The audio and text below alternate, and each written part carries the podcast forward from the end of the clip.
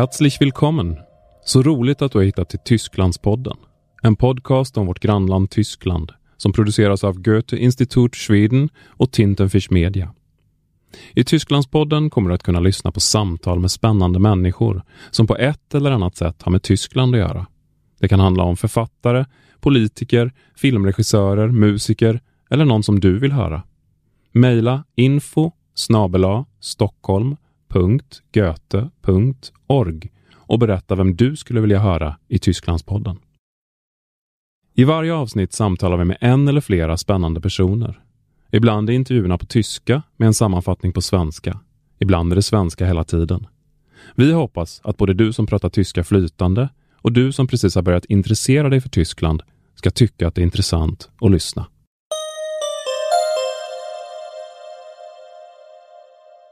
Gäst i åttonde avsnittet av Tysklandspodden är tyska författaren och dramatikern Sascha Mariana Salzmann, Aktuell med debutromanen Utom sig som kom på svenska i början av året. För översättningen stod Jesper Festin och boken ges ut på Weiler förlag.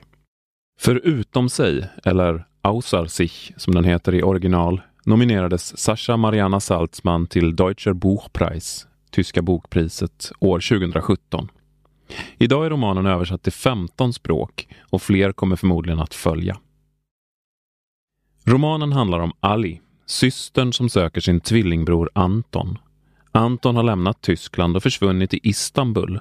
Men han skickar ett vykort med namnet på staden till sin familj och Ali bestämmer sig för att leta reda på honom.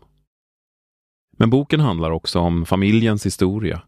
Fyra generationer porträtteras i en berättelse som börjar i Sovjetunionen med en judisk familj som flyttat till ett höghus utanför Moskva. Sen skildras livet på en flyktingförläggning i Västtyskland och vidare till den stund då Ali letar efter Anton i Istanbul.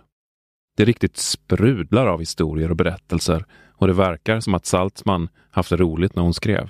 Ja, wobei ich das Wort Spaß damals wahrscheinlich nicht benutzt hätte. Im Nachhinein würde ich sagen, das war ein großer, großer, unheimlicher Spaß, wie Wallace sagt. Ähm, aber das war ein Abenteuer, das war sehr aufregend für mich, weil ich zwölf Jahre Theaterstücke geschrieben habe, bevor es in die Prosa ging. Das heißt, ich wusste überhaupt nicht, worauf ich mich einlasse. Einerseits dachte ich, ich weiß, wie Schreiben geht, weil ich das beruflich mache. Und dann habe ich aber sehr schnell gemerkt, ich weiß gar nichts. Und das war wirklich wie so ein freier Fall. So, deswegen heißt die Figur ja auch Ali Alice, die in dieses Kaninchenloch fällt und sucht und sucht und sucht. Und ich wurde irgendwann süchtig danach. Also es war wirklich ein manisches Erzählen. Ich habe mir eine Wohnung in Istanbul gemietet, um diesen Roman zu schreiben. Ich bin jeden Tag stundenlang spazieren gegangen, habe alles aufgesaugt und nur geschrieben und wurde ähm, komplett, äh, ich glaube, ich ging komplett verloren in diesen Geschichten und in, mit diesen Figuren ging ich dann äh, ein Jahr lang um und es ist nicht nur Spaß und Freude, es ist auch, es ist sehr viel Schmerz dabei. Aber das ist vielleicht der positive Schmerz der Kreativität. Ähm, es ist wie ein, beruhigender Schmerz, etwas, was wirklich raus muss. Und dem folgt man dann einfach. Ja, kanske var det inte bara kul, men ändå. Det var en lugnande smärta som hon behövde få ur sig, säger hon. Kanske kan man kalla det läskigt roligt äventyr. Sasha berättar att hon hade skrivit teaterstycken i tolv år innan hon gav sig på att skriva prosa. När hon väl gjorde det var det som att falla fritt. Å ena sidan visste hon hur man skriver, å andra sidan var det helt annorlunda mot teatertexter. Men när hon började var det ett slags maniskt berättande. Hon hyrde en lägenhet i Istanbul och gick mycket genom stan och sen skrev hon ner allt hon såg. När jag säger att boken verkligen känns som en kärleksförklaring till historieberättandet, till fantasin och fiktionen, nickar Sasha ivrigt så att hennes lockiga lugg studsar upp och ner i pannan. Ja, ich glaube, das, ähm, das ist das, warum ich überhaupt hier auf diesem Planeten bin. Ich will Geschichten erzählen. Ich frage mich das immer wieder, was mache ich mit, ähm, mit der Zeit, die ich hier habe. Ähm, und ich komme eigentlich aus dem politischen Aktivismus. Ich habe eigentlich immer gedacht, ich gehe in ähm, eben auch solche Berufe rein. Also ich habe früher Demonstrationen organisiert. Äh, übrigens habe ich in Stockholm damals die äh, Free Pussy Riot Demo mitorganisiert. Äh, ich war bei einem Theaterfestival und da gab es gerade ähm, diesen Trial. Und äh, das war etwas, was mir sehr, sehr gut tut und auch sehr eigen ist, dass ich dann sofort anfange mit zu organisieren, äh, Plakate zu schreiben, Leute zu agitieren.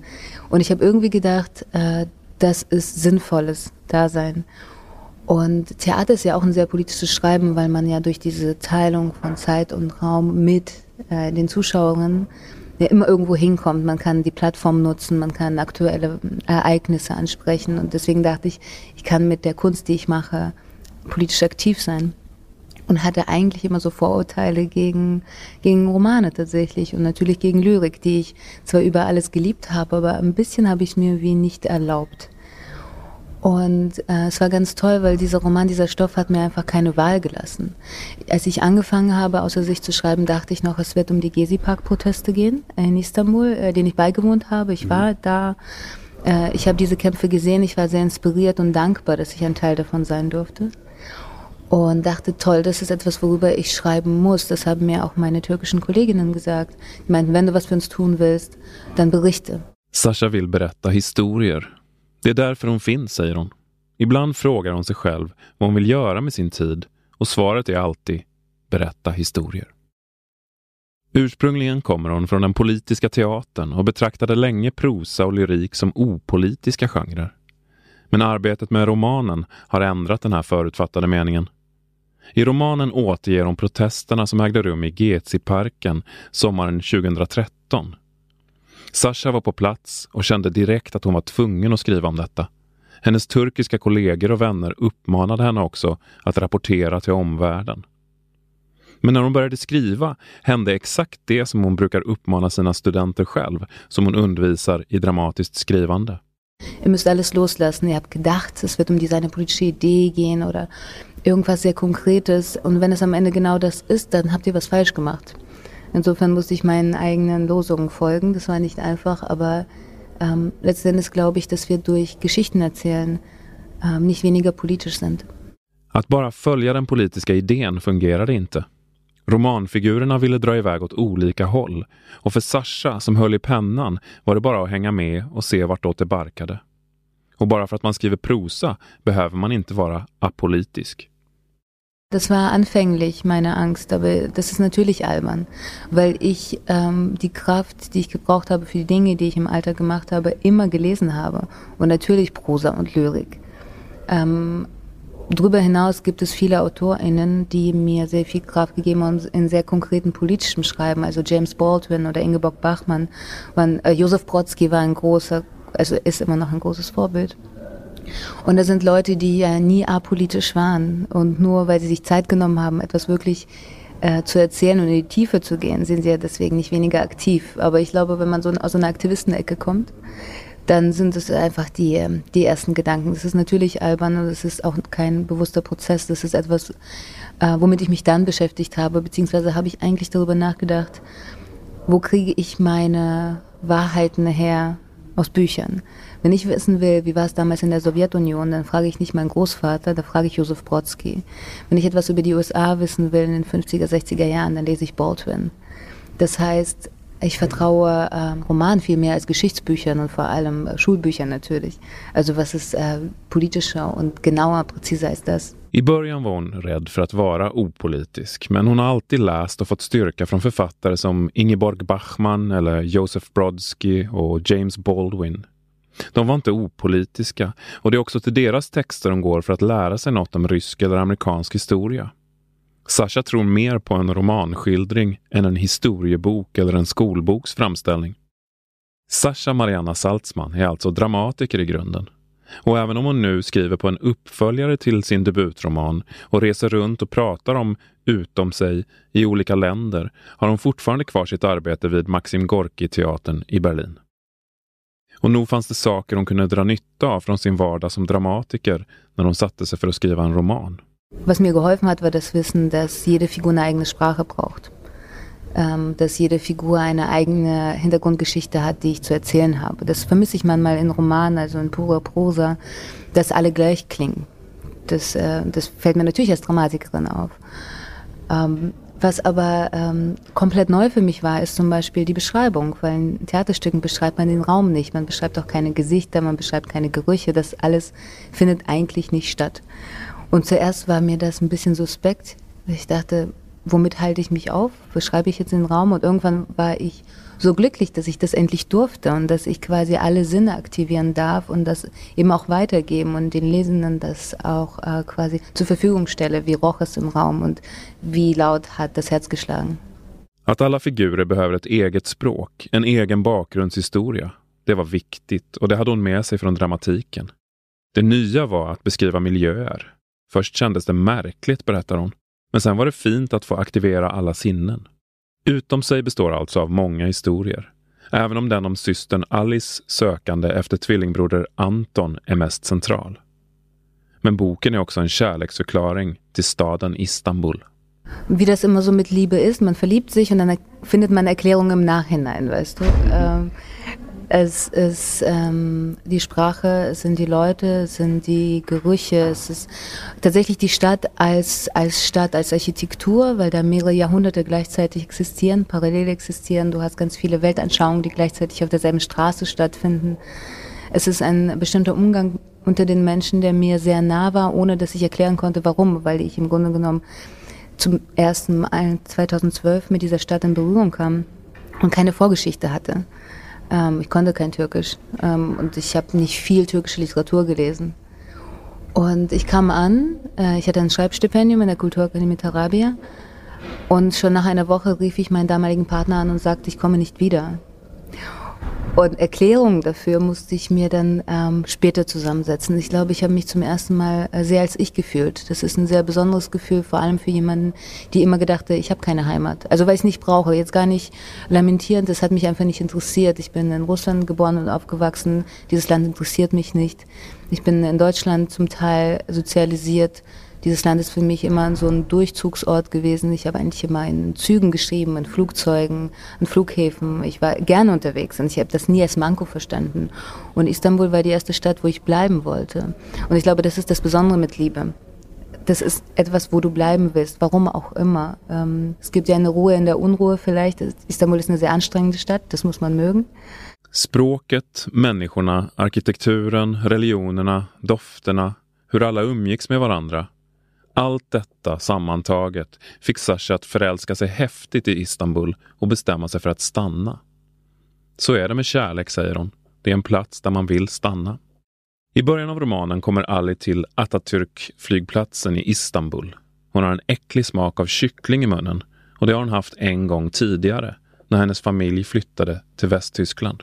Äh, die Szene in dem Roman ist ja, dass ähm, Ali als kleines Kind nach Deutschland gebracht wird, äh, ein schlechtes Hähnchen äh, gegessen hat und sich übergeben muss. Möglicherweise aber auch vor Nervosität sich übergeben muss, also etwas falsch macht und sich entschuldigen muss. Sie kann kein Deutsch und es wird von ihr verlangt, dass sie das auf Deutsch macht. Das heißt, ihre erste Erfahrung mit der deutschen Sprache ist dieser furchtbare Moment, diese Scham und es prägt sie natürlich für immer. Ähm, und das ist natürlich metaphorisch für alles, was Migrantinnen passiert. Ähm, dass ähm, sie sich in die Ecke gedrängt fühlen, dadurch, dass sie ihrer eigenen Sprache beraubt werden. Das bedeutet im Grunde genommen, dass man sich erstmal als Idiot empfindet und auch als solche gesehen wird. Dass Leute plötzlich anfangen, mit einem langsam zu sprechen. Dass man wirklich das Gefühl hat, man muss komplett von äh, vorne anfangen, was äh, in den meisten Fällen einfach radikale Einschnitte bedeutet. Und ähm, ich glaube, dass dieses Gefühl des Ekels und der Scham äh, Menschen mit äh, solchen gebrochenen Biografien für immer begleitet. Das heißt nicht, dass es immer einen nur nach unten zieht wie ein schwerer Stein an den Füßen. Ich glaube durchaus, dass es auch progressiv sein kann. Bei mir war das so. Man hat mir immer gesagt, ähm, also in der Schule, du wirst nie perfekt Deutsch können, finde dich damit ab. Ich bin so gebaut, dass ich das, also solche Provokationen immer nehme, um es allen zu beweisen. Ja, det första ordet som Ali måste uttala på tyska är förlåt, Entschuldigung, efter att hon har kräkts. Sasha ser den här scenen som en metafor för allt som migranter måste stå ut med. Att de blir idiotförklarade, att de möts av skepsis och misstro. Känslor av skam och äckel finns ofta med i en migrants upplevelser, säger hon. Hon är ledsen över det och tänker på dem som inte är tillräckligt starka för att slå tillbaka. Själv blev hon snarast sporrad av att hennes lärare i Tyskland sa åt henne att hennes tyska aldrig skulle bli perfekt. Salzman kom själv som tioåring till Tyskland. Men att lärarna sa sådär, det fick henne att ge allt och bli en språkligt avancerad författare. Men tillbaka till boken. Anton har alltså försvunnit, men via ett vykort meddelar han att han är i Istanbul. Möjligen vill han ändå inte att Alice ska hitta honom. Die Frage ist, gibt es Anton überhaupt? habe ich verstanden. Es ist so witzig, weil äh, mit diesem Roman, mit der Rezeption von Außer sich etwas passiert ist, was ich mir niemals hätte erträumen können, dass wirklich äh, jede Kritik in, äh, im deutschsprachigen Raum was anderes behauptet hat. Worum es in dem Roman geht und ob es äh, wirklich Zwillinge sind oder ob es eine Figur ist, die nach etwas in sich selbst sucht. Ich finde es ein Traum, weil ich im Grunde genommen genau so etwas produzieren wollte, aber ich dachte, Leute wollen eigentlich immer eine eindeutige Antwort auf etwas und sie werden sie schon finden. Ähm, ganz simpel bin ich ausgegangen von einem Theaterstück. Wie soll es anders sein? Ich bin Dramatikerin. Ich meine, du hast ja auch ein Personenverzeichnis bei mir im Buch, ganz am Anfang. Ähm, und das ist Shakespeares Was ihr wollt. Also wir erinnern uns, ähm, es gibt einen Schiffsbruch, Zwillinge werden getrennt und die Schwester legt äh, die Kleidung des verschollenen Bruders an und geht als dieser Bruder in ein unbekanntes Reich, um nach diesem Bruder zu suchen wird als Bruder gelesen und wird irgendwann zu diesem Bruder. Das ist so ziemlich das, was dann außer sich passiert. Mhm. Der Schiffsbruch bei mir ist die Migration. Ähm, das Verschwinden von Anton bleibt mysteriös. Ähm, ich habe mich oft gefragt, ob Anton gefunden werden möchte. Und dann habe ich verstanden, dass es so wie im Leben immer ist. Es gibt diese Antworten nicht. Ja, finns Anton ens? frågar Sascha. Och det är nog tveksamt. Själv hittar hon stoffet till berättelsen i Shakespeares Som ni behagar Migrationen ser hon som ett slags skeppsbrott i romanen och systern ger sig ut på jakt efter en bror men antar mer och mer hans egen identitet. Vill han hittas? Det får vi inget svar på. Men i romanen är det så att Ali i början omnämns med ett hon och i slutet av boken är hon en han. Hundra års historia. Fyra generationer. Det låter maffigt och är det på vissa sätt också. Men det är långt ifrån en roman som påminner om Thomas Manns Buddenbrooks till exempel. Um Gottes Willen, ich wollte das Gegenteil von Buddenbrooks. Mm, aber das ist ganz richtig, was du sagst. Ich ähm, wollte Zeit porträtieren, vielleicht eher so. Ähm, Zeit ist für mich irgendwie ein großes Fragezeichen, weil ich Zeit nicht als linear wahrnehme, sondern eher spiralenförmig. Da bin ich natürlich nicht die Einzige, das ist mir klar. Aber gerade als ich die, das von Bachmann gelesen habe, dass sie sagt, es ist immer heute. Was soll ich denn dazu sagen? Dachte ich, das, das kommt meinem Empfinden am, als, am nächsten. Und in diesem Roman wollte ich auf keinen Fall vier Generationen jüdische Familie porträtieren, sondern ich wollte eigentlich über dieses Gefühl schreiben, dass man nie wissen wird, wie es war. Wir alle laufen herum mit Jahrhunderten von Geschichte, mit Generationen, äh, über die wir sehr wenig wissen. Und die Erzählungen, die wir wissen, sind eigentlich meistens fake. Das sind Fiktionen über äh, den Krieg, über den Hunger, sind schreckliche Geschichten, aber wir wissen, es ist nur eine Nacherzählung. Und was ist eine Nacherzählung? Eine Kurzgeschichte. Also wir alle kennen diesen Moment, ähm, sagen wir beim, keine Ahnung, bei Weihnachten, bei Pessach, dass der Großvater, die Großmutter anfängt, irgendeine Geschichte zu erzählen und denkst, das hast du letztes Mal schon erzählt, aber ganz anders. Und diesen Moment wollte ich eigentlich porträtieren, dass wir eigentlich immer wissen wollen. Natürlich wollen wir wissen, was vor uns war und warum wir so sind, wie wir sind, aber wir wissen auch gleichzeitig, wir werden es nie erfahren weil die Großmutter die Geschichte jetzt ganz anders erzählt. Und jetzt sind plötzlich die Guten die Bösen und andersrum. Und das war mir enorm wichtig, dass ich dachte, ich will eher ein Kaleidoskop als ein ähm, Porträt einer Familie. Nej, hon ville verkligen inte skapa en ny Buddenbrooks. För Sasha Mariana Saltzman var det viktigare att visa hur tiden överlappar sig själv.